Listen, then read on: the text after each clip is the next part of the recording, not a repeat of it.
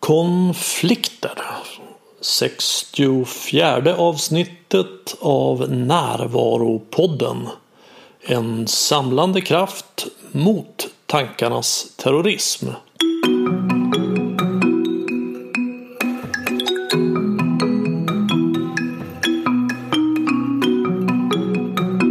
Det här är Bengt Renander.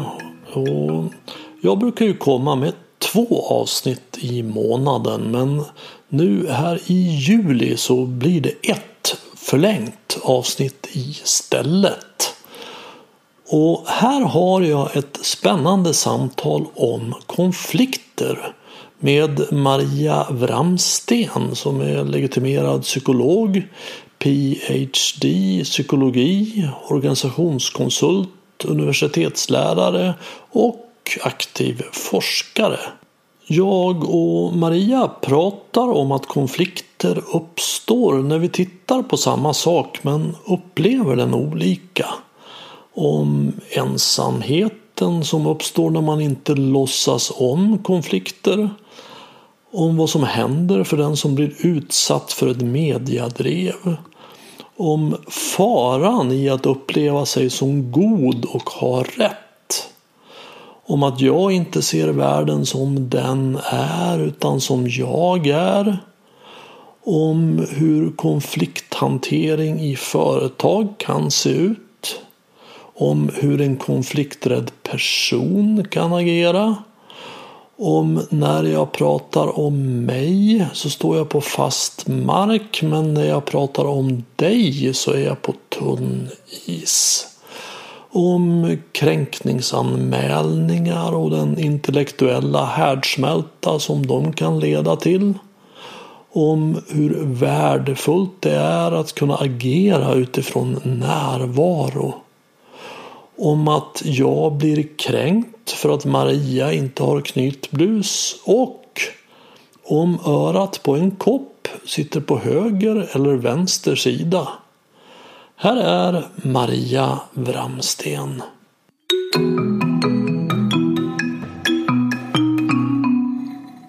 Jag har en bakgrund som psykolog. Jag blev klar för ungefär 20 år sedan. Har under de åren sedan dess både jobbat på universitetet och eh, verkat som organisationspsykolog.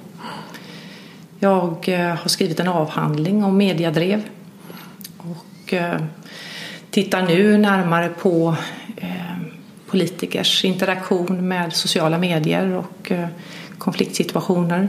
Men jobbar också som konsult med bland annat konflikter men även ledarskap, grupper, motivation, kommunikation, mänskliga möten.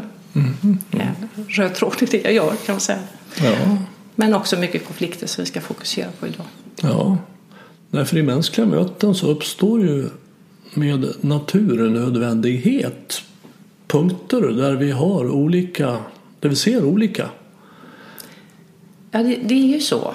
Uh, och jag slutar inte fascineras av hur många som, som tror att det faktiskt inte är så. Mm. Uh, där vi kan gå genom livet utan att hamna i konfliktsituationer. Och då tänker jag ibland att det handlar om hur man definierar det och ibland så handlar det om någonting annat. Man är så rädd att kanske såra varandra så att man inte vill eh, påtala sin olikhet. Mm. Uh, ska vi kanske börja med finns, vad menar vi när vi pratar om konflikter? Finns det någon definition som, som du använder? Eller vad? Alltså jag, jag brukar tala om eh, att det finns både konstruktiva och destruktiva konflikter. Okej. Okay. Och där jag tänker att konstruktiva det handlar ju om att vi har kanske olika bilder av vilka mål vi har eller eh, vad vi vill göra eller vilka roller vi ska ha, hur vi ska, vad vi behöver ifrån eh, varandra. Medan destruktiva konflikter det är ju när vi faktiskt går ifrån det konstruktiva och börjar tillskriva varandra egenskaper eller börjar säga att vi har felaktig personkemi med varandra och gör det mer som en låst konflikt. Mm. Eh, för där är det ganska svårt att komma vidare. Och, och där det är viktigt att hitta former för att återvända till den konstruktiva konflikten. Mm. Men, men, konstruktiva konflikter det handlar ju då mer om hur man löser den. Alltså att man har ett konstruktivt sätt att lösa den på det destruktiva. Till, det, det mindre välfungerande. Ja, alltså det handlar ju om olikhet och hantera eh, olikhet när vi, när vi, du och jag inte tycker lika. Ja. Eh, och när vi har motstridiga intressen och behov. Där i står ju konflikten och sen är det vad vi då gör med det och hur vi förklarar det som man kan förklara på ett mer konstruktivt sätt eller som mer som ett destruktivt sätt. Ja, vad, vad säger du om den här definitionen av konflikt? Jag, jag bara provar det här nu. Att, mm. att vi tittar på samma sak men upplever den olika. Ja, man kan tala om upplever, men jag tänker också vad vi har för behov i situationen. Ehm, och, och, klart att behoven kan ju styra upplevelsen. Absolut. Så, så om vi gör den kopplingen så, så är jag med dig. Ja, ja men det är ju ingen ja, tvekan om det. Nej, våra nej. behov styr ju. Alltså, mm. Om jag är hungrig så styr det min upplevelse av att mm, du sitter där och äter två smörgåsar och inte bjuder mig på en. Ja, det är sant. Ja, så vi tittar på samma sak men upplever olika. För vi är olika. Vi har olika intressen, vi har olika kyn, eh, temperament, vi har olika utbildning. Mm. Och olika ryggsäckar, tänker jag. Ja, det är olika smärtor, olika erfarenheter, ja, smärtsamma erfarenheter, ja. olika rädslor skulle man kunna säga. Ja. Mm. Har man, har man mer positiva erfarenheter och konflikter så, så räds man inte det på samma sätt som om man har väldigt dåliga erfarenheter. Mm. Ja, och har man låg förmåga att lösa dem så då, då vill man ju undvika dem så, så mycket som möjligt. Precis, eller man har erfarenhet av våld eller eh, att någon har farit väldigt illa i det. Mm. Eh, om man inte kunnat hitta orden eh, och samtalet kring den olikhet eller då som du säger upplevelsen av olikhet. Mm. Mm. Jag jobbar ju mycket med par. Mm. Där är jag väldigt tydlig med det att det som avgör om en parrelation är bra eller dålig det är inte att det uppstår de här, om vi ska kalla det för konflikterna. Man kan ju ha någon sorts romantisk illusion i början att jag ska träffa den rätta i livet och då kommer det aldrig uppstå någon konflikt. Och, och det är själva definitionen av den rätta. Men sen märker vi, vi har ju alla erfarit att alltså, nja, sen uppstår någonting där. Och så, då, då, ja, då var det inte den rätta och så byter man ut den till nästa och så håller man på så här tills man inser att det kommer att uppstå konflikter oavsett vem jag träffar. Så det som avgör om en relation är bra eller dålig är inte att det uppstår konflikter utan hur jag löser dem. Jag är helt enig. Mm. Uh, för jag tänker att det, det, jag möter ju också uh, i mitt jobb personer som har den föreställningen att uh, har vi inga konflikter så är det bra. Mm. Och, och, och, jag håller inte med. Mm. Och när du säger det, nu har jag väldigt kort erfarenhet av familjerådgivning. Jag har en erfarenhet av ett par som varit gifta varandra i 30 år. Och de var så stolta när de kom till mig och berättade att de aldrig hade konflikter med varandra. Mm. Och jag då hasplar ur mig, för min första reaktion i det läget är ju att då har de inga problem. Mm. Min andra reaktion är att okej, okay, vad, vad, vad, är det då ni har sökt eh, upp mig för? Mm. Och de då säger att vi har växt ifrån varandra. Mm. Och jag skulle nog säga att det här var ganska tidigt som jag hade det här mötet. Eh, alltså det var ungefär 20 år sedan. Och eh, där lärde jag mig någonting. Att kan man inte hantera olikhet i en relation, ja då växer vi från varandra. Mm. Och, och, jag skulle ju säga att det verkar som att de utövade en typ av våld som är väldigt osynligt. Och det är att vara tyst. Det är ett sätt att hantera konflikter, att man drar sig undan, man tyst, man ger ett silent treatment. Det verkar som att allting är bra på ytan, mm. men under ytan så kokar det. Mm. Och det skapar en sån känsla av ensamhet och då det är just det att vi växer ifrån varandra. Ja, och, och jag tänker att eh, det, det, är ju så som många i vårt samhälle tänker. Mm. Har du inga konflikter så har du inga problem.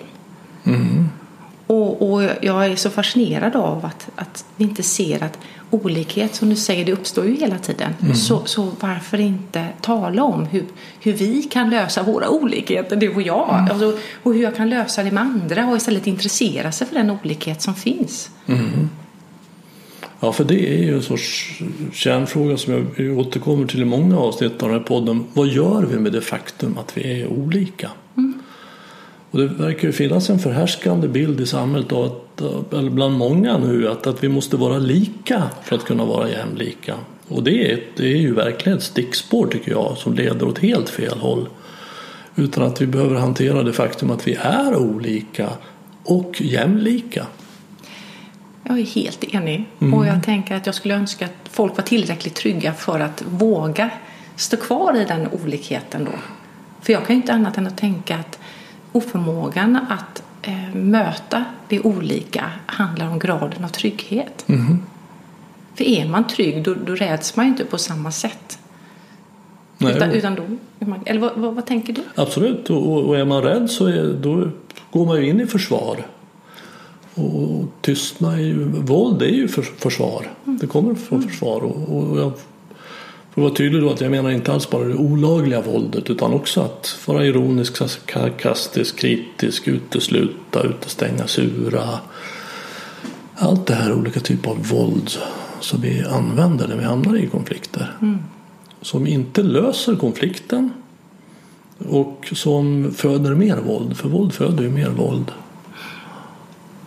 Jag tänker att det leder mer till att man skräms inför att lyfta en annan olikhet. Mm, verkligen. Så att, eh, man behöver bygga upp erfarenheter av att det går mm. att hantera det på ett konstruktivt sätt mm. och att det går att mötas. För jag tänker att det, det förädlar ju också graden av trygghet. Mm. Det, jag tänker att det borde vara väldigt otäckt att, att gå i världen och inte våga möta olikhet. Eller, mm. eller vad tänker du? Ja, men om vi tittar, ser oss runt omkring så kan vi se att, att väldigt mycket av det elände vi ser i världen handlar ju om vår kommer ur vår oförmåga att hantera olikheter. Och det är ju en komplex fråga. Alltså det ska man säga, det är ju inte enkelt. Det är komplext och, och det är ju ännu mer angeläget just därför att, att vi behöver utveckla vår förmåga. Mm. Ja, men jag tänker just om man, man kan inte låta bli att lyfta in de tiderna som vi är inne i med pandemi och vad det gör med vår världsbefolkning och den stressen som det kan medföra för många människor som än mer kan förstärka behovet av eh, att söka likhet. Alltså, för det är ju det, vi blir ju mer primitiva när vi blir stressade. Verkligen. Och mer otrygga. Så det, det blir så oändligt viktigt att eh, försöka hjälpas åt och, och skapa en, en, trygghet så att man klarar den olikhet som, som finns i varje dag. Så att vi eh, ja, kan, kan göra något, något bra av det istället. För att annars, som du säger, vi, vi blir ju väldigt ensamma annars. Mm. En nyckel för mig mm. att, att, att, hantera det här och som jag också lär ut till par. För jag tycker det är en så värdefull insikt. Och det är insikten om att jag ser inte världen som den är. Jag ser världen som jag är. Och det är ju verkligen kontraintuitivt. För att upplevelsen inifrån mitt ego är ju att jag för det första är universums centrum. För överallt där jag är så är jag i centrum. Så att allting handlar om mig. Och den andra upplevelsen är att jag ser världen som den är. Och de andra idioterna fattar inte. Alltså hur kan man rösta på det där partiet? Hur kan man ha sådana kläder? Hur kan man säga sådär? Och då kommer man jag kan inte förstå hur man kan göra det. Som om det vore deras problem. Ja. Det, jag tänker att det, det, blir lite roligt när du beskriver det på det sättet. För det, det är ju som det lilla barnet, tänker jag. Mm. Mm. Eh, som man då, och jag menar alla hamnar, hamnar vi ju där. Vad, vad, vad har vi för utgångsläge? Men om det gäller att påminna sig själv då om hur är det jag ser på världen och hur påverkar det mitt möte med andra. Mm. Eh, och att vi behöver påminna varandra Eh, för det är ju något lite gulligt över eh, det lilla barnet som, som står där och tittar på världen. Ja, men är det i en vuxen människa så är det ju ganska farligt också. Att det blir farligt, ja. Ja, väldigt farligt. Jaha. Att jag har rätt och du har fel. Mm. För att, att, det finns ju ingenting som är så farligt som en människa som ser sig som god och rätt och har rätt. Det är en väldigt farlig person. Ja, när man inte är beredd att hitta samtalet och, och, och hitta sin ödmjukhet i sig. Att eh, eh vi måste mötas. Sanningen ligger någonstans mittemellan allting mm. och alla. När du, det, när du har forskat, vad, vad det du har forskat på? Alltså jag har ju tittat på eh, människor som har blivit utsatta för mediatrev. Mm. Och där de inte har gjort någon, något kriminellt på något sätt utan där de egentligen fullföljt eh, Ofta så har det ju varit då politikerbeslut för det är skattefinansierade verksamhet jag har tittat på så har de i sina funktioner eh, genomfört det de är ålagda att göra. Och hur man då har valt att eh, personifiera dem i media som om det de står ansvariga. Eh, och där jag då tittar på vad det gör med en organisation, hur rädd en organisation blir, hur ensamma de här personerna blir och hur enkelspåriga vi blir, vi läsare som tar emot de budskapen istället för att se komplexiteten runt omkring det. Så att eh, jag, jag tittar mycket på hur kan vi göra för att jag tycker det är väldigt angeläget att vi har kvar vår eh, tilltro till media. Och eh, då tror jag det är viktigt att organisationen möter media på ett annat sätt. Eh, och det handlar inte om att inte vi ska vara öppna, det är självklart så. Men det, handlar om att det kanske inte alltid ska vara den som är mest stressad som svarar. Det kanske inte alltid behöver vara samma subjekt. Det kanske räcker med den som har informationen och kunskapen. Då skapar vi en tryggare organisation. Och en tryggare organisation skapar ett bättre möte med media. Och då menar jag även för medias räkning. Så det, och det, det inbegriper ju någonstans det här med konflikter också. Och just det här när vi blir stressade istället för att se vad har vi för olika perspektiv här så, så blir många av dem jag träffar enormt enkelspåriga eh, och har svårt att få till det här goda mötet. Det är så lätt för oss att vi delar in världen i ont och gott. Den polariteten är väldigt, väldigt lockande. Och eh, då blir den där personen på den här myndigheten ond och den här grävande journalisten blir god. Så det goda bekämpar det onda. Och, och, då är, och då är vi ju i den situationen jag pratar om. Att då är vad som helst tillåtet. Och den här dualiteten ont och gott den- den blir ju då speciellt användbar när vi är rädda. Stressade då och rädda. För att när vi är rädda har vi inte tid att, eh, se någon, att problematisera eller att se någon komplexitet som finns i alla situationer egentligen. I Alla situationer är väldigt komplexa. De är inte så enkla som ont och gott. Människor är inte så enkla som onda och goda. Men det bortser vi ifrån och hamnar i ont och gott. Och att det är det konflikten handlar om.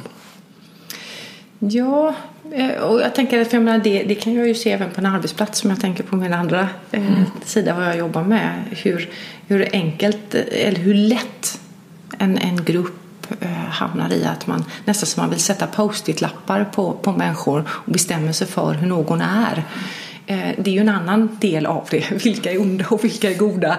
Är det chefen som är ond? Eller är det någon medarbetare som är ond? Eller, eller hur ser den dynamiken? Just det här att vi, ja, som du säger, vi, vi, vi vill förenkla eh, för att försöka förstå och få kontroll över situationen. Eh, och istället för att stå ut med att eh, vi alla bär en del av ansvaret. Så, det- Jag kommer att tänka på en in- intressant övning som vi gjorde när jag gick på psykosyntesakademin. Då, fick man, då fick vi skriva ner på just post-it-lappar olika egenskaper som vi då satte på, på klasskamraterna. Och så skrev vi ner, jag tror vi fick skriva två eller tre för varje klasskamrat. Så fick vi gå och lägga det på deras stol. Och sen så gjorde ju alla det med alla då så att jag fick ju nog en hög lappar på, på min stol och så, så såg jag vad, då, vad de tyckte om mig.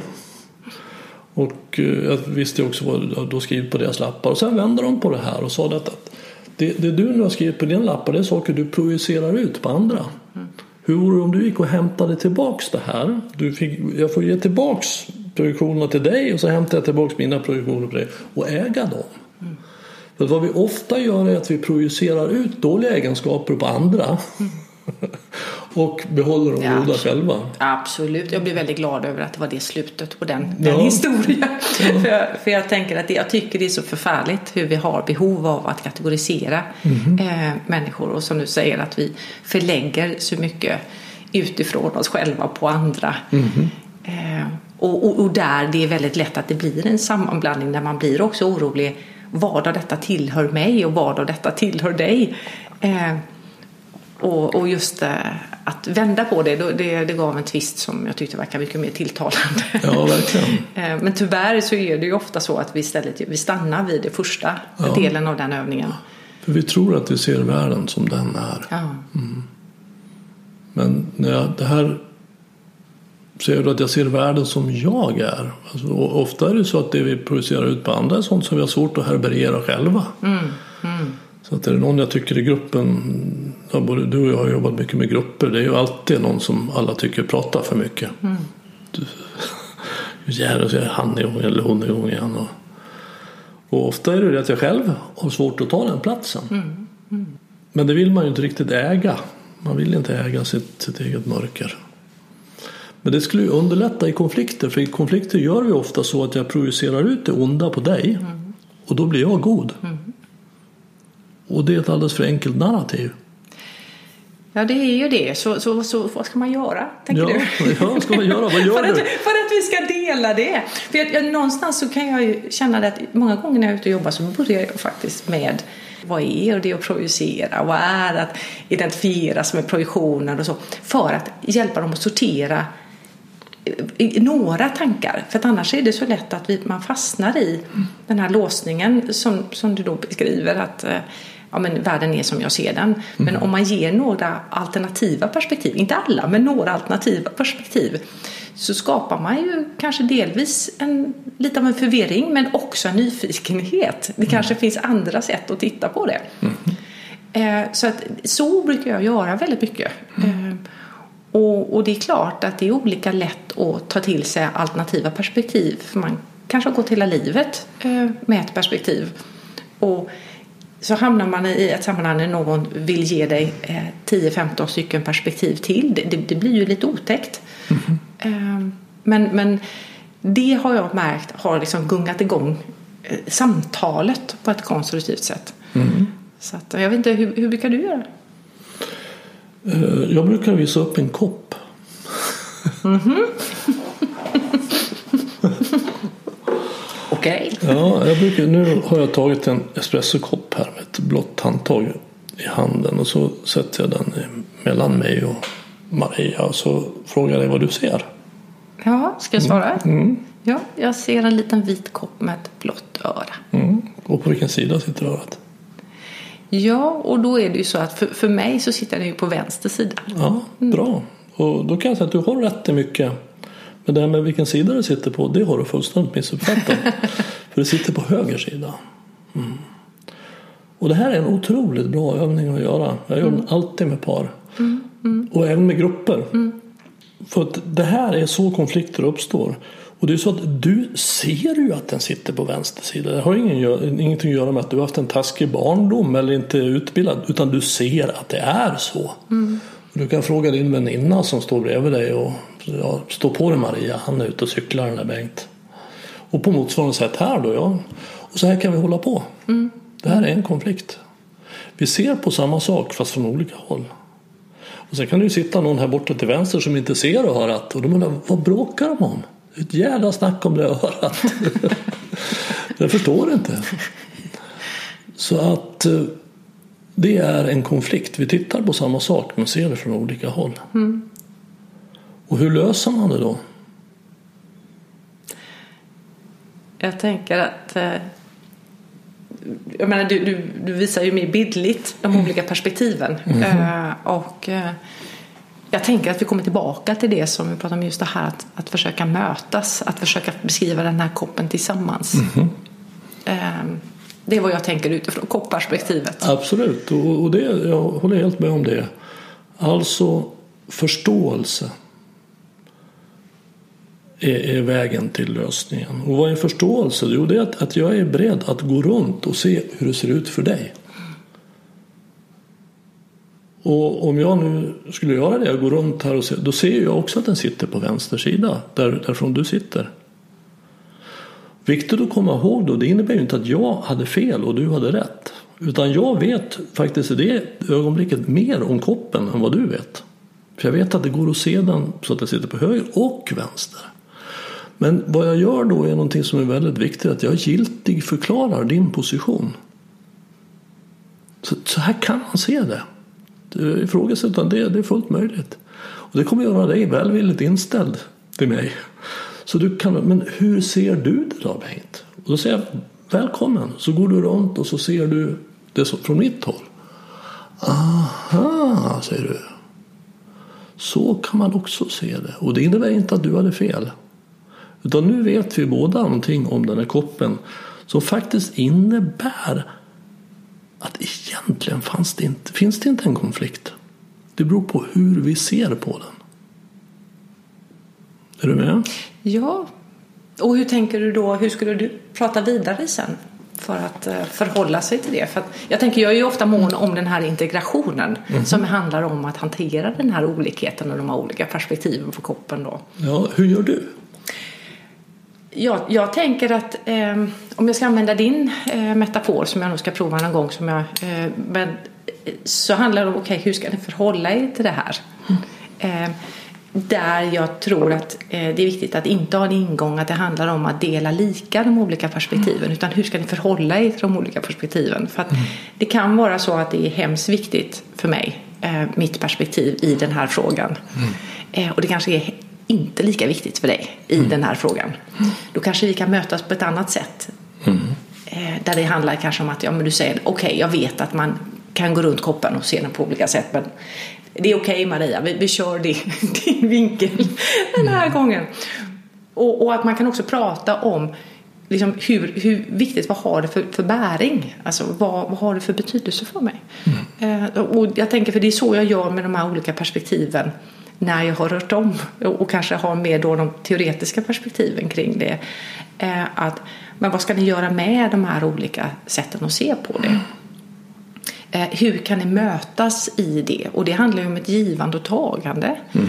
Eh, det handlar om att inte släppa samtalet utan våga vara kvar i det samtalet. Mm. Även om då många känner att det är obehagligt när man inser att det finns många olika sätt att se på det. Eh, som jag säger, kanske krampaktigt håller sig fast vid det och hitta formen för att hur kan vi, låta, hur kan vi leva med den här olikheten parallellt? Mm. Eh, så att vi kan mötas. Mm. Jag, jag, vet inte. Hur, hur gör du? Ja, jag betonar också precis som du samtalets absoluta nödvändighet. Mm. För så länge vi har samtalet så kan vi undvika det andra alternativet våld. Mm. När samtalet stängs ner då tar vi till våld. Så samtalet är så otroligt viktigt. Att vara kvar i samtalet. Mm. Och vad vi gör här nu när vi går runt och ser den här koppen från två olika håll. Det är att vi förstår varandra. Och, och det är ett nödvändigt rekvisit för att kunna ta det tredje steget som ju är samarbete. Mm. Så okej, okay, vad gör vi med det här? Du och jag mm tillsammans. Alltså du, du vill måla blått i hallen och jag vill måla grönt. Mm. Vad gör vi med det? Jag förstår varför du vill ha blått och du förstår varför jag vill ha grönt. Ska vi ta gult kanske? Eller ska vi ta två blåa och två gula? Eller... Eh, ja, eller som jag då tänker att du kanske tillbringar mer tid i hallen. Ja. Och då kanske det blir viktigare för dig med din färg. Ja, för jag förstår nu hur viktigt det här är för dig. Ja. Jag förstod inte det tidigare, för så viktigt är det inte alls Nej. för mig. Nej. Så det kan vi göra också. Så vi hittar en lösning som är okej okay för oss båda. Mm. Mm. Vi behöver också inse att jag, jag, kan inte hitta, jag kan inte vara ute efter lösningar som, där det blir som jag vill och när jag Nej. har med andra människor Nej. att göra. Nej. Jag behöver göra en överenskommelse som mm. är okej okay för oss båda. Mm. Men vad brukar du då göra med de som faktiskt inte vill gå in i det samtalet? Ja, det är ju det allra svåraste i alla sammanhang som handlar om utveckling. För att, att det, jag skulle säga att det enda man behöver är viljan. Och vill man inte, då går det inte. Hur gör du? Nej, för jag tänker det är lite intressant när du säger för att det, det är just det som jag brukar påtala mycket. Mm. Eh, att eh, det går inte att jobba med någon form av integration utan att man ser sin del eh, och, och, att jag behöver fortsätta prata om perspektiven på eh, den här koppen eller färgen i hallen eller, eller vad det är. Och är jag inte beredd att gå in i det samtalet då kan jag inte heller förvänta mig en integrationslösning. Och då är ju risken, vilket jag ovill, att det blir en separationslösning om man inte ska leva parallellt, tänker jag. Ja, okej. Okay. Integrationslösning och separationslösning. Ja, jag, ja. jag tänker, och det är ju ingenting, jag, jag, tror ju mycket på integrationslösning. Ja, absolut. Ehm, och jag tycker, om vi ska komma in på det spåret, att det är allt för ofta så vi löser det med separationslösning. Mm. Som, som du också beskriver det gifta paret som mm. eh, tänker att oj, vi har olikhet, vi, vi separerar. Eller arbetsplatsen där man låter en person som inte tänker lika lämna. Mm. Eh, men eh, det, det gäller som du säger att då vilja ha det samtalet för, för alla parter. Mm. Vi ser ju tyvärr ett debattklimat växa fram som begränsar olika sätt att se på saker. Där man blir utesluten, får sparken för att man hävdar vissa åsikter eller ser på saker på ett mm. sätt. Och kvar vill vi ha en, den rätta åsikten.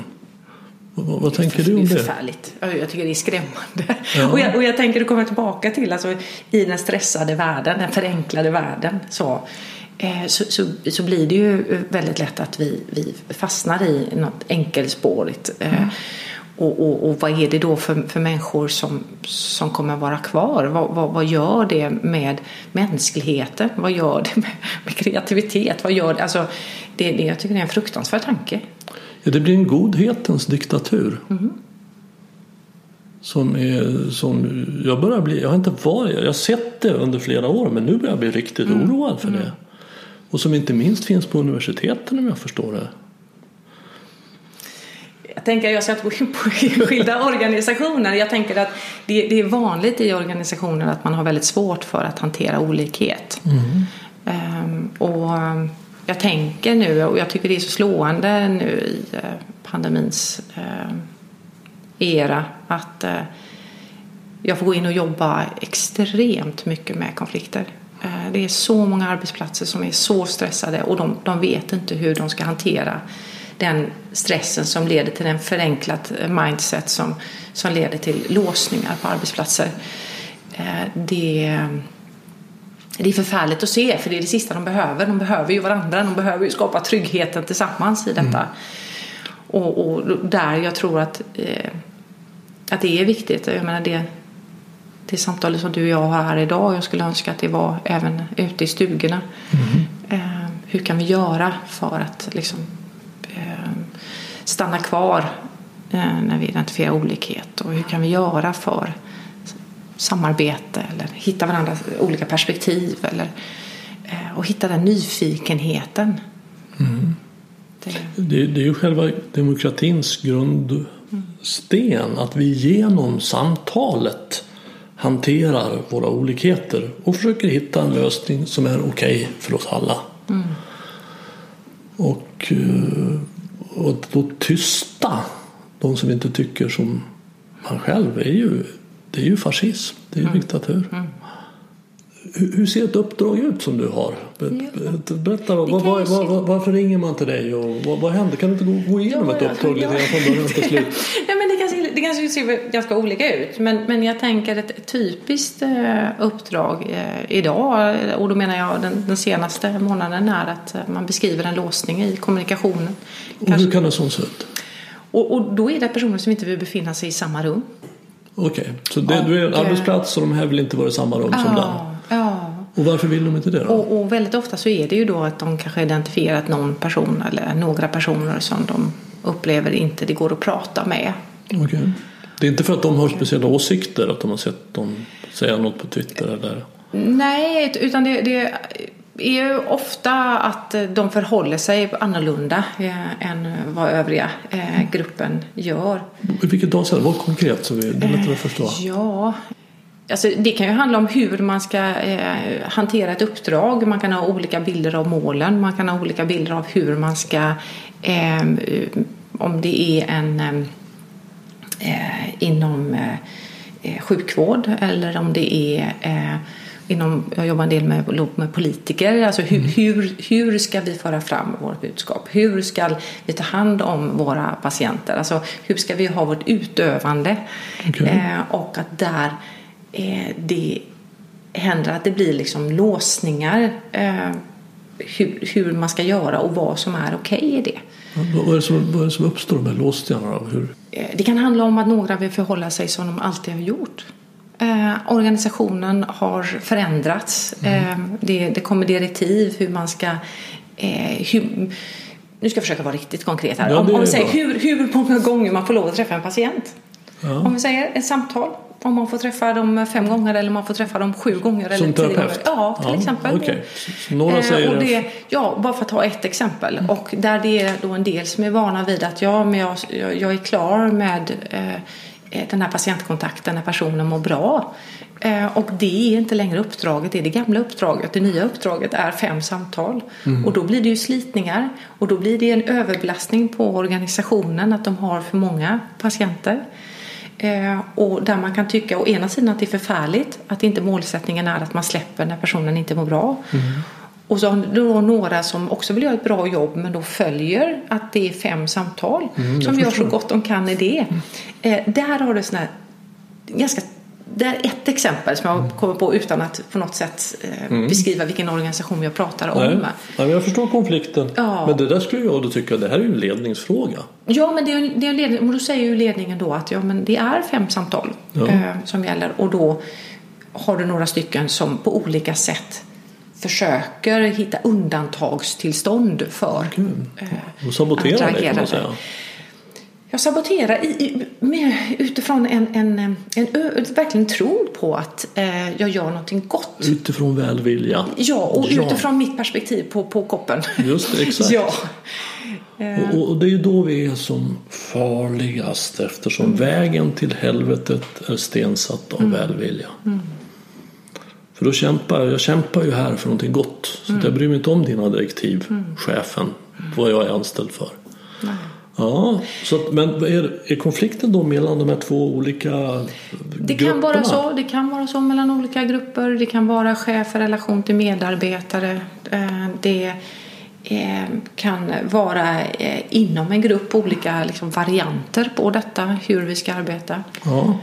Okej, den här låsningen har uppstått. Jag förstår låsningen, Mm. jag förstår de här båda argumenten. De är ju goda argument båda två kan man ju säga. Mm. Och så kommer du in där. Ja. Vad är det första du gör? Jag tänker att eh, väldigt ofta så eh, säkerställer jag först med min uppdragsgivare eh, att eh, jag eh, kommer få eh, fullfölja uppdraget eh, egentligen oavsett vad det är jag eh, kommer in i så att jag inte hamnar i det att om det framkommer någon kritik mot chef eller någonting sånt så, så tystas jag. Eh, Så det är någonstans där, det brukar vara mitt förarbete. Sen, sen så vill jag väldigt gärna prata eh, individuellt med eh, personerna. Faran med att prata med någon individuellt det är ju om det finns ändå en förväntan att jag bara ska bibehålla deras perspektiv. Eh, Så man får vara lite försiktig med det. Men, men jag brukar göra det utifrån att de ska ge sig möjlighet att beskriva sitt perspektiv. Eh, Men jag måste vara tydlig då med att det finns kanske fler perspektiv. Absolut. Eh, Och det ökar ju också sannolikheten att det blir eh, ja, det vuxna mötet. kan Man säger. Så att det inte blir att man går in i, med lika mycket försvar i mötet. Så vi eh, mer har tänkt igenom vad är det egentligen som jag känner att jag vill förmedla till dig kring mitt perspektiv. Mm. Och du är egentligen där för att lyssna. Oh ja, oh ja. Det, det är vad du gör. Oh ja. Och, Ja, så träffar du alla här. Ja, men precis. Och sen så brukar jag då ofta beskriva olika sätt man kan se på saker.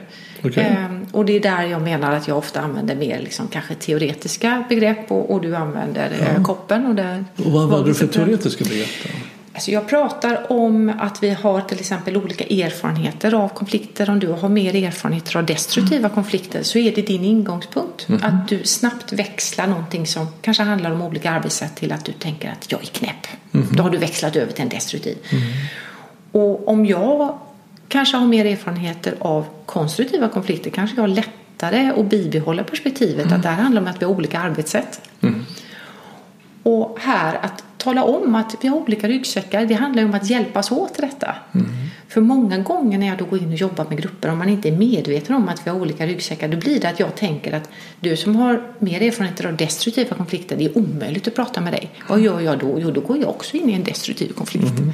Och då blir vi ju ganska primitiva båda två, istället för att jag försöker hjälpa dig. Eh, och tänka det att, ja, jag, jag, jag hör här att du tycker att jag är knasig som har det här perspektivet. Likväl så, så Eh, är jag intresserad av att se hur, vad ska vi ha för arbetssätt. Jag ser här att vi har två olika arbetssätt. Mm. Så att jag inte går igång på det, för det, det, det mm. märker jag mycket. Så om man pratar lite grann om det innan så blir det att det inte handlar om att den som har mer erfarenhet av en ryggsäck av konstruktiva konflikter är, den som är den goda i det här och den som har mer erfarenhet av destruktiva konflikter som kanske har haft ett helsike i sitt liv. Mm. Så jag hela tiden bära med sig att den är dålig på att hantera konflikter. Det handlar ju om att vi behöver hjälpas åt att bibehålla det konstruktiva samtalet. Ja. Så det här brukar jag prata mycket om. Det låter som att du, du, du för in trygghet. Ja, det är min avsikt. Ja, och, och när tryggheten finns så det, då blir de rädda mindre rädda. Och då kan man också uppfatta komplexitet på ett annat sätt. Ja. Man, man sitter inte och är nära döden. Nej, nej. Ja, och så har du gjort det. Du har pratat ja. med folk där. Ja, och sen, sen händer det också att jag då kan prata om att vi reagerar lite olika. Och mm. också ha föreställningen om att den som är konflikträdd blir tyst. Mm. Där jag kan också ta upp då att den som är konflikträdd kan mycket väl också hamna i att eh, jag blir ilsk. Eh, och eh, om jag börjar slåss med dig så är det också ett tecken på att jag egentligen är konflikträdd. Alltså jag har svårt att hantera den konstruktiva konflikten. Mm. Och genom att jag också sorterar det, för det, det finns ju de som har den bilden att en konflikträdd person är tyst och någon som inte är rädd för konflikter den säger ifrån och är tydlig. Ja, och sen spelar det liksom ingen roll hur de är tydliga. Om de skrämmer slaget på sin omgivning mm. eller om de stannar i samtalet. Och det är sådana saker jag försöker liksom sortera upp lite grann och titta på det. Ja, men, men vad är egentligen? Eller kanske det finns olika typer av konflikter ni faktiskt tycker är obehagliga och svåra mm. att stanna i och vissa ni tycker är lättare. Så att eh, jag försöker så att det inte är så fastlåst mm. eh, initialt. Jag förstår. Och jag undrar, är vi inte alla på sätt och vis konflikträdda? Alltså, vi vet ju någonstans här inne i, i vår, vår, våra djupa överlevnadsmekanismer att vi är världens farligaste däggdjur.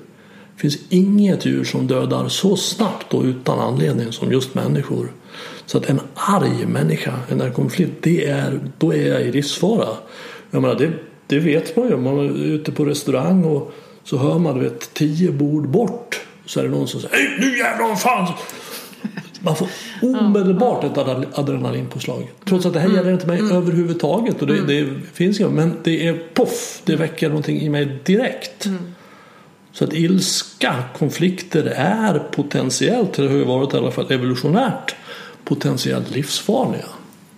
Nej men absolut, men jag tänker att eh, det är olika grader av. Mm, det, det eh, och också om vi säger att du eh, blir arg på mig här, hur, eh, vad har jag för redskap i det mötet? Mm. Är mitt enda redskap att slå hårdare tillbaka? Mm.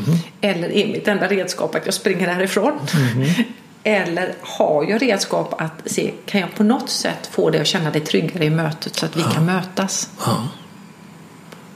Absolut, och där har du ju nyckeln. Mm. Mm.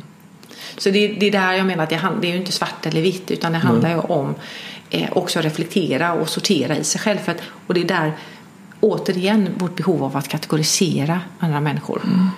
Eh, och jag tänker att det finns ju de som anställer chefer utifrån att de ska inte vara konflikträdda. Och då är det ju, eller kan vara så, att det är just en person som drämmer näven i bordet. Och jag mm. tänker att ja, men, prata istället om förmågan att stanna kvar i samtalet. Mm. Mm. Förmågan att hantera det faktum att vi är olika. Mm. Kan jag hantera det på ett konstruktivt sätt eller gör jag det på ett destruktivt mm. sätt? Mm. Och inså att vi behöver prata om det. Ja.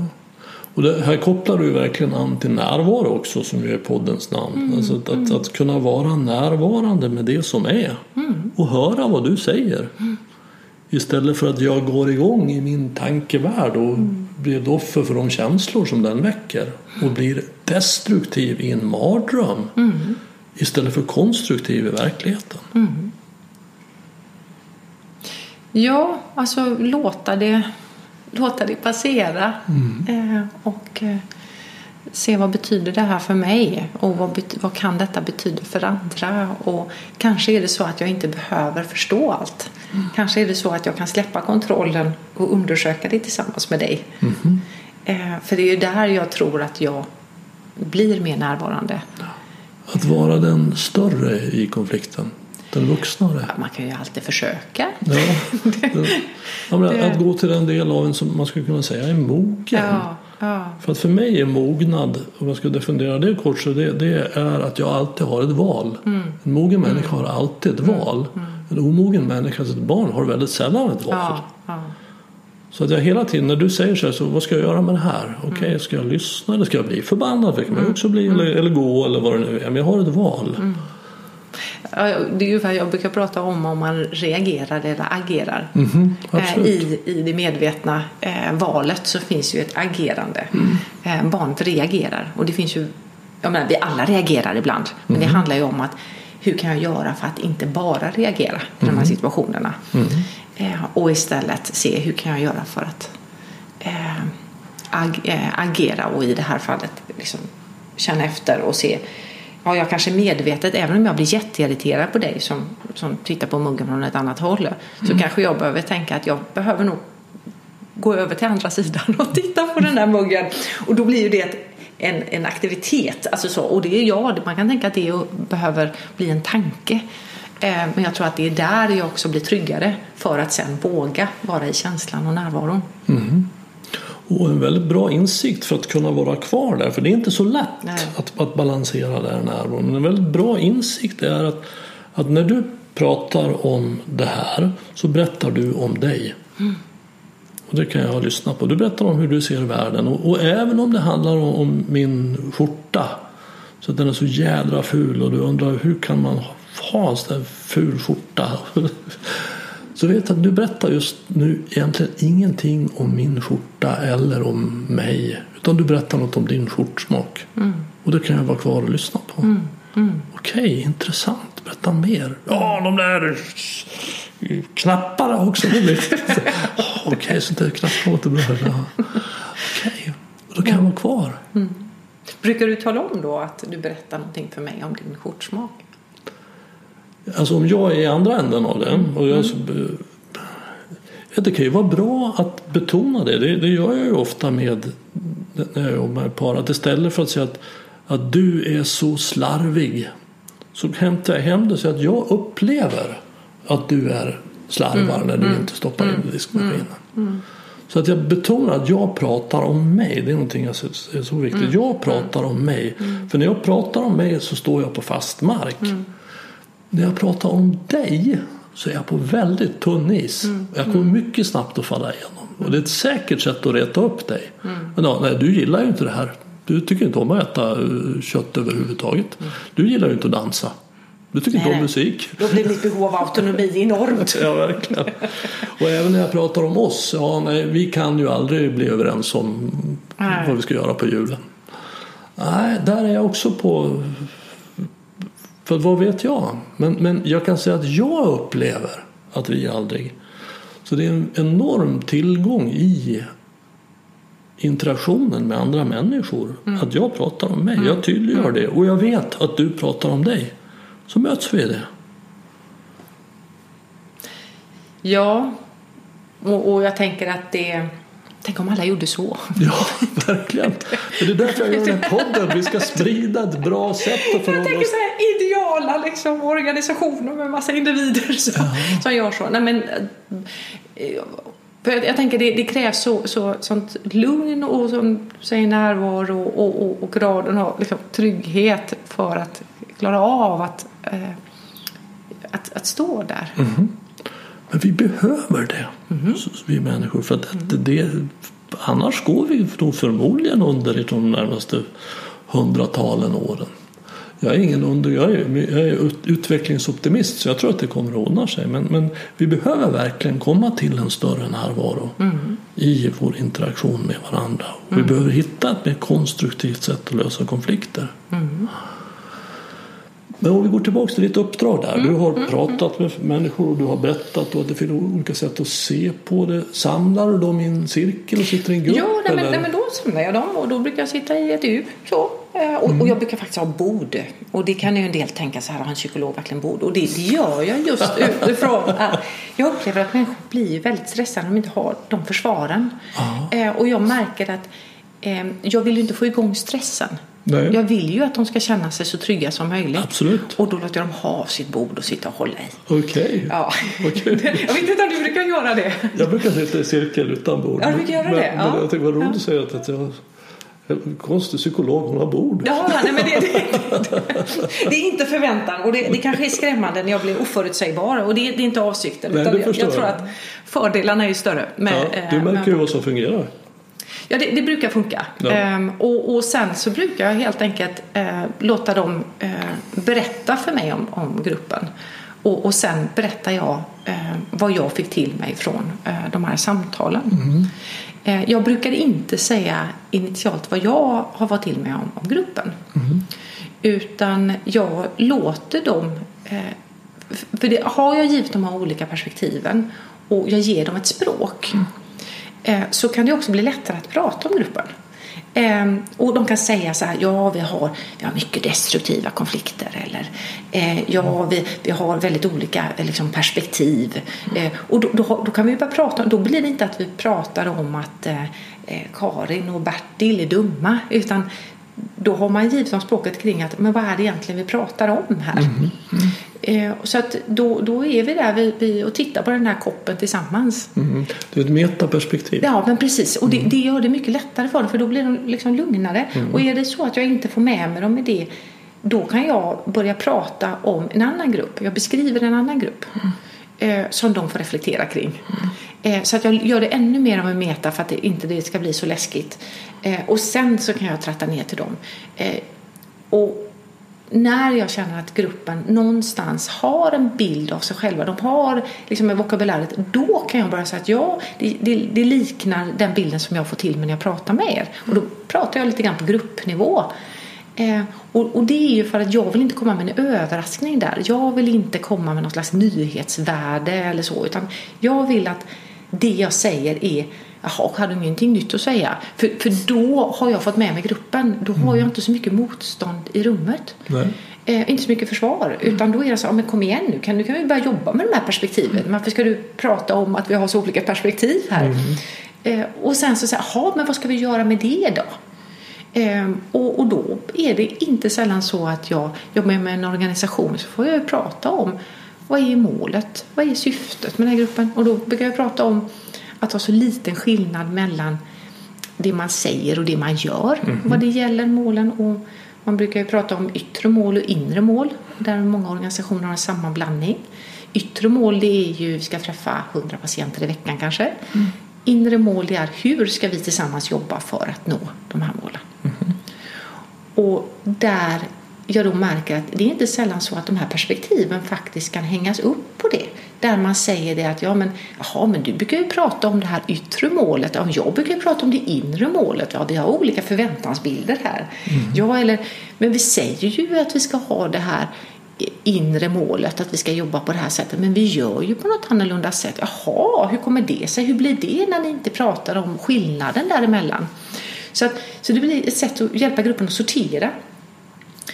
Och i relation till att ha sorterat de här målen och, och syftet med gruppen så jag kan jag prata om lite spelregler. Alltså vad ska ni göra för att nå de här målen som ni vill beskriva? Så att jag är väldigt mycket faktiskt på en funktionell nivå eh, initialt när jag träffar en grupp. Innan jag går in i det mer relationella. Och det gör jag mycket utifrån att Även om jag haft individuella samtal innan så kan de vara så arga på varandra. Så att när de kommer in så har de kanske ändå tagit sats och nu ska de trycka till varandra. Och, och då kan det ju bli så att de faktiskt kränker varandra och då har jag ett sår till att hantera i det mötet. Och där min erfarenhet är att om jag istället börjar med att hjälpa dem att staga upp lite grann de här olika perspektiven kring mål och spelregler och när de får få syn på det här, då kan jag börja prata om känslor. Mm, jag Eh, förstår. Och, och, och, det vet man ju också. Man kan ju gå in och titta på, på hjärnan, vad som händer vad gäller blodgenomströmning i hjärnan när vi är mer stressade, vi använder mer primitiva delar, när vi är mm. lugnare. Vi blir smartare. Och det, och det är ju bra att vi är ganska smarta när vi ska prata om saker som är besvärliga. Ja, det är ju bra att gå från reptilhjärnan till neoncortex. Ja, men det, det, är ju det. Jag vet inte om det liknar ditt sätt att arbeta. Jo, eller hur det just där du pekar på värdet av att ta ett metaperspektiv. Alltså att vi kan ställa oss utanför och beskriva gruppen. Mm. Att det här är våra mål och, och syften och så här ser det ut just nu. Det är ju en sån fantastisk nyckel både på gruppnivå och på individnivå. Mm. Alltså att jag har tillgång till en del av mig som kan bevittna min personlighet, det som jag kallar då för egot, lite mm. utifrån. Mm. mm. Och den positionen kallar jag för självet. Mm. Alltså, och jag kan se att jag är väldigt rädd. Det är inte vad jag själv vill, men mm. det är jag. Och jag beter mig dumt i de här situationerna. Det är inte vad jag själv vill. Och det självet kan ju, alltså när jag tittar på mitt ego utifrån mig själv så ser jag att jag är ju inte klok. Gud vad jag håller på. Och vad som försiggår i huvudet det är ju helt galet. Mm. Men den som vet att jag inte är klok, den är klok. Så att så länge jag har kontakt med den då står jag på, på, mm. på trygg mm. mark. Mm. Och det är metaperspektivet. Mm. När jag tappar bort metaperspektivet då identifierar jag mig med mina tankar mm. och känslor. Jag är rädd. Om jag är rädd har jag inget val. Nej, jag måste attackera dig eller fly eller vad det nu är. Så metaperspektivet är det här mogna perspektivet som vi pratade om. Att komma till mig själv. Och det kan man också göra på gruppnivå. Det är väldigt intressant att man kan men då låter det som att du också ger en del liksom, begrepp för att liksom, lyfta tanken mm. Mm. Eh, när du jobbar med grupper. Absolut, vi behöver ju ha en sorts gemensam begreppsapparat mm. för att kunna samtala med varandra.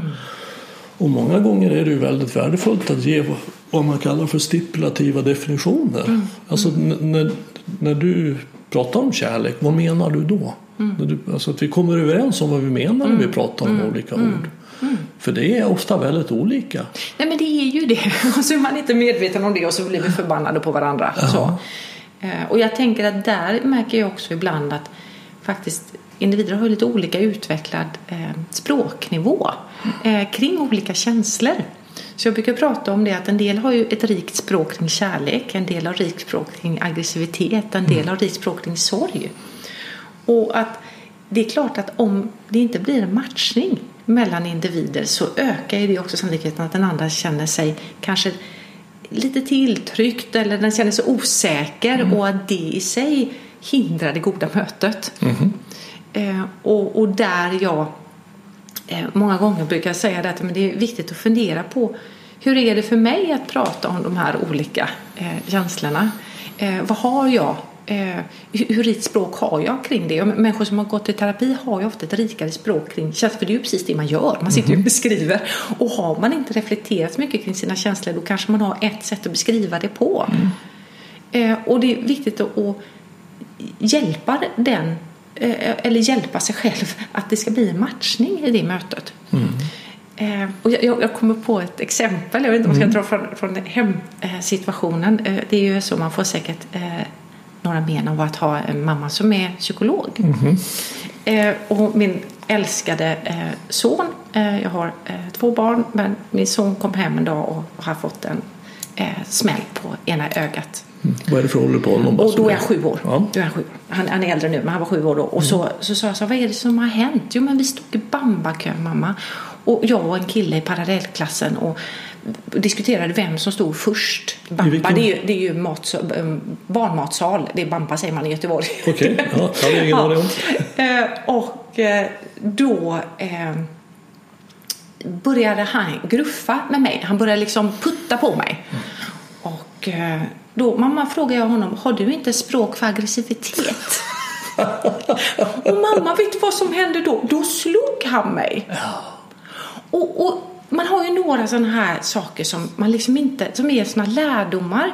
Mm. Just det här att där var det, han mötte en kille med tämligen normal språknivå vad det gäller aggressivitet förmodligen. Mm. Mm. Och så har han då växt upp med en mamma som säger att har du inte ett språk för det där när han, när han har varit irriterad istället för att han skulle bli arg och kasta saker.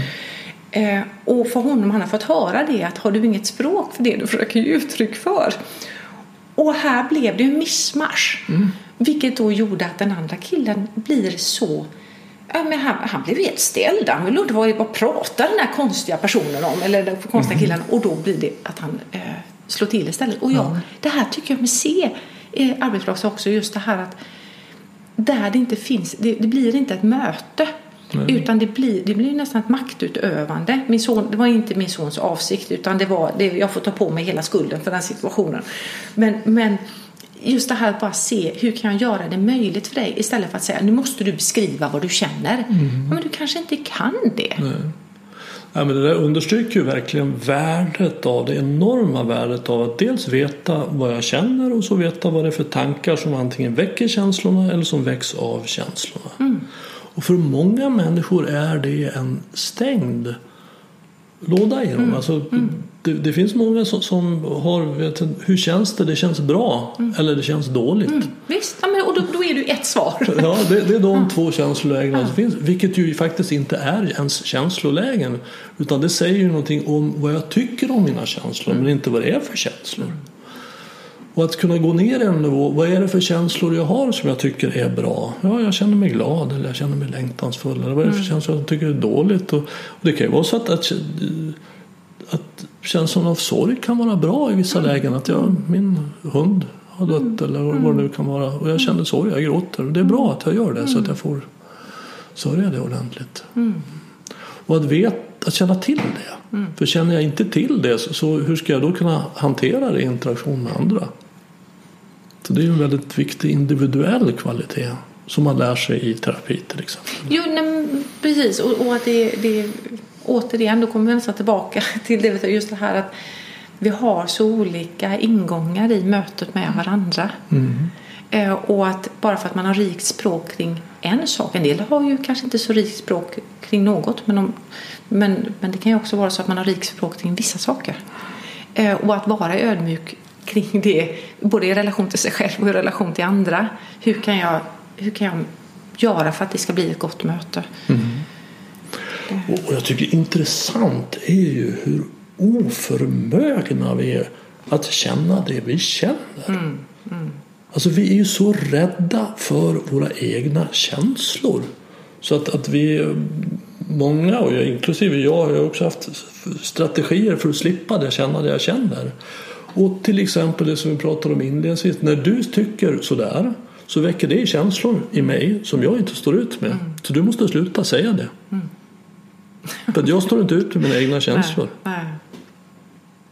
Wow. Mm. Ja, och jag tänker hur säger man då till en annan människa att du måste lära dig att stå ut med dina känslor? Ja. För det är ju egentligen det man behöver förmedla. Alltså, och jag menar inte, jag kan aldrig ålägga någon annan att göra någonting. Men, men just det här att man, man, man vill i sin iver att vilja dem väl så är det väldigt lätt att, att det är det egentligen som man säger till en annan människa. Du måste stå ut med dina känslor. Mm. Samtidigt som det handlar om att hur kan jag göra det möjligt för dig att stå ut med dina känslor. Mm. Ja, för det finns väl egentligen två huvudalternativ. Antingen att du har rätt att, att känna dig bra hela tiden. Så att vi här i samhället ska undanröja alla anledningar till att du inte känner så. Det är det ena alternativet. Mm. Mm. Och det andra är att, att du behöver lära dig att känna mm. det du känner. Vilket är en mognadsprocess. Du behöver bli en mogen människa som kan känna hela paletten av känslor och hantera på ett konstruktivt sätt utifrån det. Det finns ingen födslorätt i att, att slippa känna vissa känslor.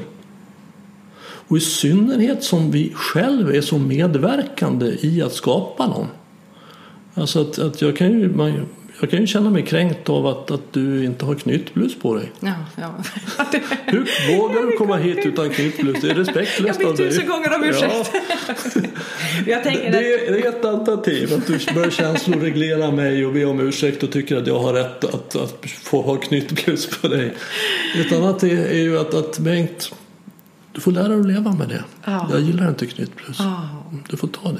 Ja. Och då ska jag stå ut på att, att du... Ja, det ska du göra. Det är ett trivialt exempel men, det är ett exempel på någonting som är väldigt viktigt. Jag tänker i den här, eh, det läget som är nu. Eh, där vi talar mycket om att inte kränka eh, varandra. Eh, vilket jag å ena sidan tycker är ofantligt viktigt. Eh, å andra sidan, var, var går då gränsen för denna kränkning? Och jag, jag misstänker att det är det du är inne på. Absolut. När du- ja. Jag menar ju att det, det går inte att kränka en människa utan hennes medverkan. Nej. Och, och att vi inte söker den vägen istället. Att se det att, att jag med, tänker inte medverka i att du kränker mig. Alltså alla de här nättrollen som kallar folk då för det ena och det andra okvädningsord och fruktansvärda saker. Men att inse att det här säger ingenting om mig. Det säger något om dem. De har väldigt dåligt språkbruk och ett, ett dåligt humör verkar också. Ja. Men det har ingenting med mig att göra. Nej. Vilket det faktiskt inte har. Det har inte det. Nej. Men, men jag tänker just det här, om att gå tillbaka till mina arbets, arbetsplatser som jag jobbar med. Mm. Och jag tänker att där är det ju en del ärenden där det är någon som inte får en tjänst eh, och skickar in en kränkningsanmälan. Mm. Eh, det förekommer ju, så tillkallar man en sån som mig och så ska det göras en utredning. Var går då gränsen? Eller när eh, Gränsen mellan? Ja, när, när är det en kränkning och när är det faktiskt så att en person inte uppfyller kriterierna för att få en befattning? Så ett sätt att uttrycka det är att när, var går gränsen mellan att en människa känner sig kränkt och en människa faktiskt är kränkt? Ja, Mm. det kan jag säga. För att vi, vi kan känna oss kränkta. Och då får man ju mena då, vad, vad är en kränkning? Och jag, jag tänker att det, det, i min värld, det finns inget enkelt svar på det. Eller vad, vad skulle du säga? För jag menar, min upplevelse kan ju vara att det är en kränkning. Absolut. Eh, och Det- din upplevelse av vad som är en kränkning är väl någonting annat kanske? Absolut, så är det Att ju. ja. Så är det ju. Men, men jag tänker att, att upplevelsen kan inte vara det som är avgörande. Utan vi, vi behöver, vad man kan kränka, vad vi behöver vidmakthålla är ju att vi inte kränker varandras rättigheter som samhällsmedborgare. Jag har vissa rättigheter som samhällsmedborgare så att samhället kan kränka mina rättigheter. Om det behandlar mig sämre för att jag har en viss hudfärg eller, eller intresse eller kommer från en viss plats. Eh, och där har, mina rättigheter kränkts. Och de kränkningarna behöver vi ta tag i. Men sen att jag upplever mig som kränkt för att du inte har knytblus, det är mitt problem. Och, och, och det, det behöver vi lägga, vi behöver ge tillbaks problemet till mig. Ja, och ge mig verktyg att hantera att världen inte är som jag vill. Hur kan jag interagera på ett konstruktivt sätt med en värld som inte är utifrån min beställning? Och hur skulle det då vara för dig om jag frågar dig vad du skulle behöva för att kunna hantera den känslan av att, att du blir kränkt och att jag inte bär en knytblus? Ja. Ja, För jag kan ju inte, jag kan inte uppmana dig. Du måste stå ut med det. För då, kommer du, då går vi ju in i en kraft och motkraft. Ja, ja. Nej, men, men vad, vad man kan göra är att man kan säga att, att berätta mer om varför det är så viktigt för dig att jag har knytblus. Ja, jag, jag har haft det så mycket. De har kommit till träningsoveraller och jag, jag känner mig att det är så. Du hittar bara på. Jag talade, jag talade till om tidigare gäster. Och, och nu vill jag få lite stil på det här äntligen. Vi ska komma upp på lite näringslivsnivå. Och nu vi, har vi ju en forskare här från Göteborgs universitet som jobbar med näringslivet. Så nu har jag sett så mycket fram emot det här. Så att eh, därför så blir det så ledsamt. Jag menar, då kan ju du, om du är kvar i en trygg position, så kan du se, att, kan du se det här på andra, finns, finns det andra, egentligen tillämpa det som du gör i ditt jobb. Kan du se det så här att, att jag har åkt hit speciellt för dig för att jag vill vara med här och det här är viktigt för mig. Och för mig är en knytblus, det, det betyder det här. Aha, okej, jag förstår. För att det finns, det som gör det här extra komplicerat det är ju att det finns en del i min personlighet som jag brukar kalla för smärtkroppen som vill bli kränkt. Den gillar det. Den letar upp det. Finns det någon kränkning här? Ja, här har vi en. Så att det blir jag till skillnad ifrån dig. Den vill inte ha samförstånd. Och det är ju egot, för egot lever ju i jag till skillnad ifrån. Den söker inte likheter och lösningar utan bättre än och sämre än. Statustransaktioner. Så jag upplever mig då att du har tryckt ner min status genom att inte ha knytblus. Då vill jag trycka ner din genom att säga att du kränker mig. Ja, och jag tänker vilken värld blir det? Vad sa du? Nej, och vilken värld blir det när, Ja, när, när, vi, när vi låter oss orienteras utifrån eh, rädslan för att bli kränkt. Eh, Ja, det, det blir till ganska stora delar den värld vi har. Mm. Alltså, om vi ser det samhällsklimat, det debatt, debattklimat och Mm. Så, som vi har så är det väldigt mycket så. Tyvärr. Så vad kan vi göra här? Ja. ja. Vad är du? Om vi går tillbaka till din grupp Ja, där. ja. Du, Nej men, nej, men jag tänker att för det, det handlar ju om att försöka göra det eh, möjligt eh, att, att tala om det. Och jag tänker att visst kan det vara så att det då finns individer som, som eh, av olika skäl då upplever sig kränkta eh, och därmed inte vill fortsätta det här samtalet. Eh, och det handlar ju mycket om att vilja bibehålla sitt perspektiv som inte vill vara nyfiken på de andra perspektiven. Som kanske ber om att inte få vara med kommande träffar. Eh, eller eh, eh, kan, jag har också varit med om att jag får en kränkningsanmälan på mig eh, just för att jag sagt att det finns fler perspektiv här. Det finns något som heter kränkningsanmälan. Ja, alltså. ja. Det är en speciell sorts Ja, anmälan. det, du känner inte till det? inte jag. Gå in på Arbetsmiljöverket och titta. Ja, jag Du jobbar göra inte det. så i, de sammanhangen.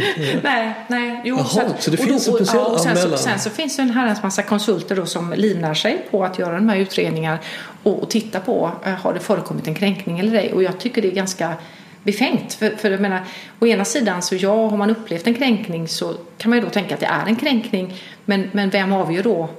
Är det då som upplever det och den andra kanske inte avsåg att kränka? Alltså, det, det är en omöjlig ekvation. Verkligen. Det är viktigt att understryka att, att, att jag ifrågasätter inte upplevelsen av att Nej, blir kränkt. nej, nej, Jag har, inte jag jag har den heller. upplevelsen. Inte men jag jag. ifrågasätter om det har hänt. Ja, men det andra är ju att stanna kvar och säga det att nu känner jag mig kränkt, det här måste jag förstå. Mm. Vad är det som gör att jag känner mig så kränkt när, när du tar upp Exakt. att eh, jag skulle ha på mig en knytblus? Just det. Eh, eh, vad, vad kan... Eh, vad är det som gör att, att det har en sån eh, symbolik för mig? Kan jag liksom hitta det i mig själv då? Just det. Eh, Eller som du säger, varför söker jag kanske en upprepning av att identifiera personer som kränker mig? Just det. Och, och där lär jag mig då någonting om mig själv. Mm. För att, för att det, kommer ju, det visar sig att även om du då skulle ha knytblus Mm. här nästa gång du kommer hit eller vi ses så då kommer jag snart hitta någonting annat. Mm. För jag letar efter det eftersom min inställning är att världen har en skyldighet att leverera utifrån min beställning. Vilket den inte har. Mm. Jo, det kan ju vara så att du känner dig hånad av att jag kommer med en knytblus. ja. Att du inte kommer se det som respekt då, Ja. utan att istället då så ser du det som att jag Ja. eh, Nu passar dig. det. Ja. så, att, så det har man ju varit med om ibland. Att, eh, Säg mer om kränkningsanmälan. Vad, vad är det? Ja, men det är ju alltså eh, man, det handlar ju om att egentligen säkerställa en god psykosocial arbetsmiljö och det är gott. Jag tycker det är jätteviktigt att vi pratar om en god psykosocial arbetsmiljö. Eh, problemet här vad det gäller de här utredningarna det är ju eh, eh, av, liksom, vad finns i avsikten? Vad finns i mottagaren? Hur talbart är detta? Eh, och att det är väldigt, väldigt lätt att göra den här anmälan. Så om vi säger att jag skulle ha anmält dig här nu eh, och vi hade samma arbetsgivare eh, så skulle arbetsgivaren vara skyldig att göra en utredning på dig och mig och sen så skriva ett utlåtande då eh, huruvida det har eh, funnits en, eh, en kränkning eller inte. Och, och hur gör arbetsgivaren? Och då är det ofta intervjuer, så man gör en intervju av dig och en intervju med mig. Eh, och ibland så kringpersoner som tittade på det här eh, och eh, var bevittnade situationen. Var det en kränkning eller var det inte en kränkning? Vilket säger någonting om deras referensramar och deras tidigare erfarenheter av oss två. Och här blir det ju vä- väldigt lätt väldigt sörjigt. Eh, Så att i den mån jag har kommit in i den typen av uppdrag då brukar jag mer beskriva de två perspektiven. Eh, Jag brukar vara tydlig, apropå det här att mitt samtal med uppdragsgivaren är så oändligt viktigt. Jag säger det, jag kommer inte vara en domare. Utan jag kommer beskriva på båda perspektiven, det kan jag göra. Så att du får möjlighet att beskriva ditt perspektiv och den, den andra får en möjlighet att beskriva sitt perspektiv. Och det kan jag skriva ner. Mm. Och eventuellt andra personer som satt där om det är angeläget för någon part att, att man tar in det. Men där utifrån eh, så får man ju ställa frågan, okej okay, vad behöver du då? För nästa fråga ska vara i en sån här anmälan då, vad behöver den som känner sig kränkt för att den inte längre ska känna sig kränkt? Mm. Eh, och, och, där kan man ju också gå lite vilse. Eh, för det är det då att om vi säger att om vi går tillbaka till knytblusen så kan det ju faktiskt vara så att du eh, säger då till mig att ja Maria, jag känner mig inte kränkt om du bär knytblus hädanefter. Och då kan vi ju hamna i det läget att jag avskyr knytblusar. Eh, och det är liksom 30 grader ute. Det blir jättevarmt att ha på mig knytblus. Ja. Men jag har ändå det läget då att ja, då har du sagt att så länge du har knytblus på dig ihop med mig så känner jag mig inte kränkt. Då har jag alternativet, eh, om vi nu ska använda det här som ett exempel, att ta på mig den här eh, eh, blusen. Mm. Och, och, det kan ju innebära att jag då upplever mig kränkt för att jag behöver ha på mig den här blusen. Ja. ja. Absolut. Ja, så du kan ju bara tänka dig hur komplext det här kan bli. Alltså det blir ju en intellektuell härdsmälta. Ja, ja det, det blir väldigt svårt. Så ja. Jag kan tycka att det är värdefullt att, att eh, ge tid åt båda perspektiven. Mm. Eh, men många gånger så kan det också bli så då att den som blir anmäld eh, blir så besviken på den som anmäler. Mm. Så det i sig skapar ett hinder för samtal. Absolut. Och jag tänker, vad då göra för att starta samtalet innan det blir en papp, ett papper, en dokumentation som faktiskt sparas? Ja. Därför jag tänker om vi tar det här med koppen igen och, mm. och du ser mm. vänster och jag ser höger. Där har vi två olika uppfattningar. Vi tittar på samma mm. sak men vi ser det från olika mm. håll. Mm. Och det är ju liksom att lägga till en nivå till. Att jag blir kränkt av att du säger vänster. Det kränker mig. För jag har rätt att mm. höra att du ska säga höger, för det, det är så jag ser det. Mm. Och det är där jag menar att det, här, det där har vi tagit stickspåret åt, åt helvete. Mm. mm. Vi behöver säga att okej, okay, jag förstår att du ser, ser det på ett annat sätt. Mm. Berätta mer, få höra. Mm. Och så är jag själv så är jag intresserad av din position. Nej, men, och då, då, tycker jag det är ett bekymmer med de som jobbar som organisationskonsulter idag. Som tar på sig rollen som domare. Ja. Och bestämma sig för, ja men du, örat på muggen den, den är på vänster sida mm. och den andra är kränkt. Ja. Jag, jag, jag, tycker det är fascinerande hur man kan ta på sig den rollen. Eh, men att beskriva perspektiven, ja, i lugn och ro, ja. Mm. Eh, för att sen använda det för ett samtal. Eh, men min allmänna rådan är att ta samtalet utan, utan att den här pappersprodukten för den, den ligger ju och skaver. Ja, för det vi behöver är ju förståelse. Ja. Alltså att, jag tänker på, på romaren Terentius som jag citerar ofta. Att, att, att jag är människa. Inget mänskligt är mig främmande, sa han. Mm. Och med det menade han att, att alla positioner som någon annan människa skulle jag förmodligen haft om jag hade varit i den människans kläder. Mm. Så att allt allt mänskligt handlande, så i alla fall vi rör oss genom psykiskt friska människor, är begripligt. Mm. Det går att förstå. Mm. Det går att förstå att jag blir så ledsen över att du inte har knytblus. ja, ja, om jag får förklara det ja, på riktigt varför det är så. Då kan, Men jag förstår Bengt. Och så får jag lyssna på dig varför, varför du vill ha den där. Okej, okay, jag förstår dig. Mm. Bra, och då har vi det, det det som behövs för att kunna ta nästa steg. Vad gör vi med det här? Ja.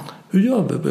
Då, då, kan man ju då hävda, tycker jag, med, med rätt att, att du måste vara suveränt fri att göra som du vill mm. med dig. Mm. Du måste få ha de kläder du har och de åsikter du har och säga mm. det du säger. Så... Men vad tänker du då kring tonläge? Tänker jag. För det är någonting jag hamnar i mycket. Mm. Eh, om vi säger nu att vi byter ut den här knytblusen mot att jag eh, är aggressiv mot dig. Mm. Eh, har jag då rätt till det? Jag tror att om jag då är i en mogen position mm, mm. så att jag är inte, för det, det gör ju mig förmodligen rädd då mm, så då hamnar jag i mitt mm. ego och då blir jag kanske aggressiv tillbaks eller flyr. Men om jag kan vara mm. kvar ändå så kan jag säga så att det, det låter som att du är arg. Stämmer det? Det är det första jag behöver göra. För jag kan, jag, jag kan ju uppleva dig som aggressiv fast du inte är det. Definitivt. Det är fullt jag Definitivt. liksom först kolla att stämmer det? Och då säger jag ja, jag, jag, är- jag är arg. Okej, kan du berätta mer? Varför är du det? Vad är det som gör dig arg? Är du med? Då är jag kvar i Ja, nej, den bevittnande positionen. Så att vad du beskriver det är ju egentligen precis som knytblusen. Ja, exakt. Du, du låter mig vara arg. Ja. Och, och förstå, vad, vad kommer det sig? För det finns ju en anledning här bakom till att du är det. Så det är så fantastiskt om man kan leva sitt liv utifrån sig själv då, den jag är när jag är närvarande. För jag kan vara, agera, interagera med andra människor och vara konstruktiv i verkligheten. Istället för att hamna, fly, jag blir sjukskriven, går hem och dricker lådvin och blir destruktiv i en mardröm istället. Ja, nej, jag tänker att det, för jag menar där, eh, jag hamnar ju ibland i den frågeställningen, jag tänker när man håller eh, utbildningar eh, kring kommunikationstekniker och så, så är det ju inte sällan så, hur ska jag bemöta någon som är arg? Och eh, då är det ju en del då som ger uttryck för hur de bemöter det genom att säga att man inte får lov att vara arg. Jag säger, hur skulle du känna om jag sa till dig att inte du får lov att vara arg? Inte sjutton blir du mindre arg. Eh, utan att du måste acceptera och låta den här känslan finnas. Eh, så det låter som att det ligger lite grann i linje med Absolut. eh, det som du beskriver. Ja, för det handlar ju om att, att vilken är min rätt att diktera vad du ska säga och tycka och känna och vara och ha på dig. Och, och den rätten är ju ganska begränsad. Utan Jag behöver ju ta ansvar för, för, mitt, för mig och för mina känslor. För, Så någonstans kommer vi tillbaka till att det handlar om intresset för sitt egna agerande men också att vara i samtalet. För jag tänker att Absolut. om vi säger, är det ett, ett alternativ att du säger så här, jag vill inte prata med dig mer. ja, det är ju också en form av våld. Alltså om, om jag ska ha med dig att göra i fortsättningen, alltså om vi har en relation eller arbetsrelation eller vad det är. Så fungerar ju inte det. Nej. Vi behöver vara i kontakt och hela tiden stämma av. När du tittar på det här, vad ser du då? Ja, vänster, höger, öra på, okej. Så löser det. Vad ser du? Jag säger inget öra alls, okej. Vad gör vi med det? det? Det är ju det enda sättet, samtalet är det enda sättet vi kan, kan ta oss framåt på om vi inte ska använda våld. Det är det enda alternativet. Så när vi stänger ner samtal så gör vi någonting oerhört farligt. Ja, Jag, jag håller med dig. Eh, Och då är det egentligen det som är en väg. Den andra vägen är vad jag då skulle kalla separationslösning. Just det. För, för, för det går inte att komma vidare och, och skapa någon slags utveckling eh, om man inte går in i, i mötet eller samtalet Nej. och intresserar sig. Vi tar tillbaka dig till gruppen. Du sitter, de, sitter, de sitter här med, med bord framför sig och, Ja. och du har först eh, ja, gett en sorts mer objektiv bild av vad som pågår och sen så går du in och ber dem berätta mer om sina subjektiva uppfattningar om jag förstod det rätt. Ja, Händer sen? och sen så återberättar jag ju då vad jag får till mig i, i samtalen Ehm, och, och beskriver min bild. Eh, använder de perspektiv som jag både har beskrivit innan jag startar som kan vara mer teoretiska perspektiv kopplat till det de säger. Eh, och sen så jobbar vi som jag sa då med mål och, och spelregler och eh, när jag känner, för att många gånger så brukar det staga upp, alltså det, det skapar en, en trygghet med lite sådana perspektiv. Och jag brukar säga det att jag lyfter in det relationella när relationen bär för det. Okej. Eh, alltså när jag märker att eh, de kommer inte ha fokus på att kränka varandra eller, eller trycka ner varandra utan fokus är eh, att förstå den andra. Där lyfter jag in och, och pratar om eh, eh, Ja, alltså vad, vad behöver du vad det gäller mer relationellt av, ifrån den andra? Mm. De har nu blivit så trygga så att de kan göra det. ja. Så att eh, sen många gånger under den här processen också så eh, och det brukar jag säga initialt så brukar vi prata lite grann om det här med att avbryta varandra. För det är någonting som jag faktiskt, det kanske låter hemskt, brukar säga det att ni får inte avbryta varandra men jag får lov att avbryta er. Och, och varför jag brukar säga det, det är ju just utifrån att det inte ska bli att de slänger massa elakheter i relation till varandra. Utan jag vill säga att ja, men, jag, jag bromsar den typen av uttalanden. Så därför avbryter jag. Så att det skapar ju också eh, ännu mer trygghet. För då känner de att men okej, här kommer det inte handla om att vi, vi är någon pajkastning här. Utan vi ska försöka ha vårt egna och, och prata om det. Och, och sen så oftast är det så att jag möter eh, grupperna eller eh, de jobbar inte jag med familjerådgivningen idag men, men eh, det kan ju vara en medarbetare, en chef eller två medarbetare eller två chefer som är i konflikt med varandra så möter jag dem ett antal gånger och hör okej okay, vad, vad är det som funkar och vad är det som inte funkar. Mm. Eh, sen så jag menar, jag jobbar mycket med parafrasering, alltså att man får ett återberättande av vad den andra säger mm. för att de ska landa mm. ner i rummet. För när de har pratat ett tag så, så lägger de ju ofta på en, en, eh, att de går igång och, och slutar lyssna på varandra och då kan jag faktiskt lite fräckt säga att nu vill jag att eh, du återberättar vad den andra personen sa. Och då är det inte sällan så att de säger jag vet faktiskt inte vad du sa. Så sa mm. men då kanske mm. den här första personen som sa någonting i, i vänlig och säger det igen. Så att vi bromsar in så att vi liksom säkerställer att vi faktiskt lyssnar på varandra. Mm. Så att och det är ju både för att ge dem en, en, eh, få upp ögonen för att men vänta lite här nu, ni pratar om olika saker här. Inte undra på att det blir irritation och så här. Eh, eller att eh, eh hur är det för den andra som inte känner sig lyssnad på? Eh, ja, det skapar ju som du var inne på tidigare en känsla av ensamhet. Eh, att, så det finns många delar i det här att ibland och sen lär ju sig gruppen det. Att, att jag ibland slänger ur mig, kan du återberätta vad den andra sa? Mm. Eh, så att det blir lite självreglerande och då, när de har lärt sig det, då behöver jag aldrig mer säga det för då lyssnar de på varandra sen. Mm. så, mm. så att när jag följer upp så, så, frågar jag, har ni använt detta någonting? Mm. Där ni har faktiskt fått återberätta vad den andra sa för att säkerställa att ni pratar om samma sak. Och så. Mm. Det är ju ett fantastiskt verktyg att ja, men det är ju det. det. parafrasera eller ja. att, att upprepa, upprepa eller spegla brukar jag kalla det. Och det, det gör jag ju, det lär jag ju paren mm. som kommer hit som ska samtala att, att, att jag egentligen bara spelar tillbaka det som mm. du säger och, mm. och det fyller så många bra funktioner. Mm. En funktion är ju den som en spegel fyller för mig. Att jag ser mm. jag har en mm. såsfläck i pannan. Mm. Den syns inte Nej. inifrån men den syns utifrån. Mm. Och när jag får då det jag säger spegel kan jag säga du det där kom ut väl hårt. Mm. Det, det där, jag begriper inte vad jag själv säger här. Mm. Jag hör nu. Jag får det speglat. Och sen för den som speglar att, att det får det att säga saker får en sorts connection med mm. att då tar jag verkligen in det också. Mm. Och det är också en sorts kvitto på att det har blivit mottaget. Så det är ett mm. väldigt bra sätt. Ja, för båda parter. Mm. mm. Och efter det att se om jag kan förstå.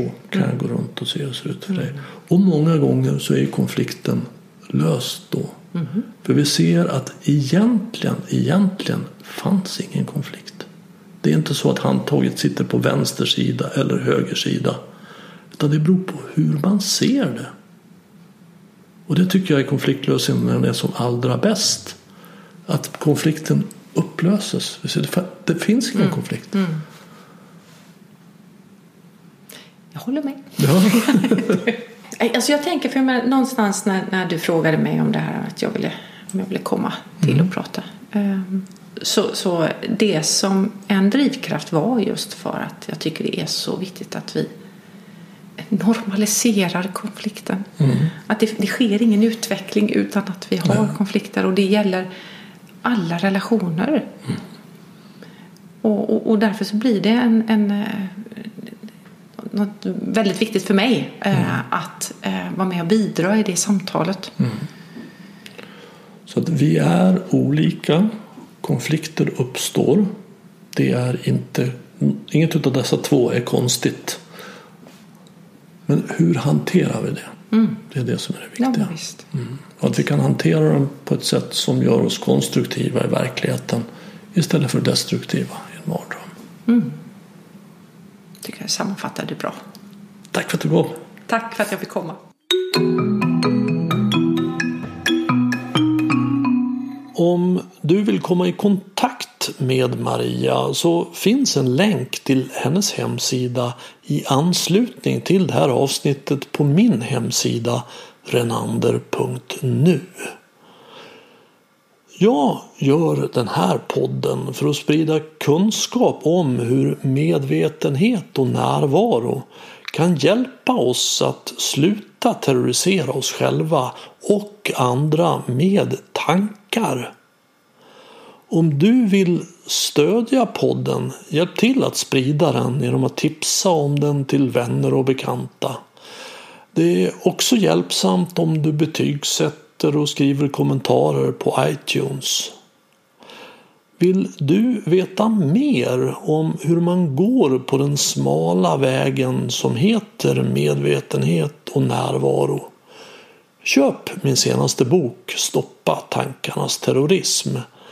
Boken har fått många positiva omdömen som tydlig, klar, enkel och väldigt användbar. Att du dessutom stöder mig i det här arbetet är en positiv bieffekt. Enklast köper du boken via hemsidan renander.nu och jag signerar den gärna om du vill.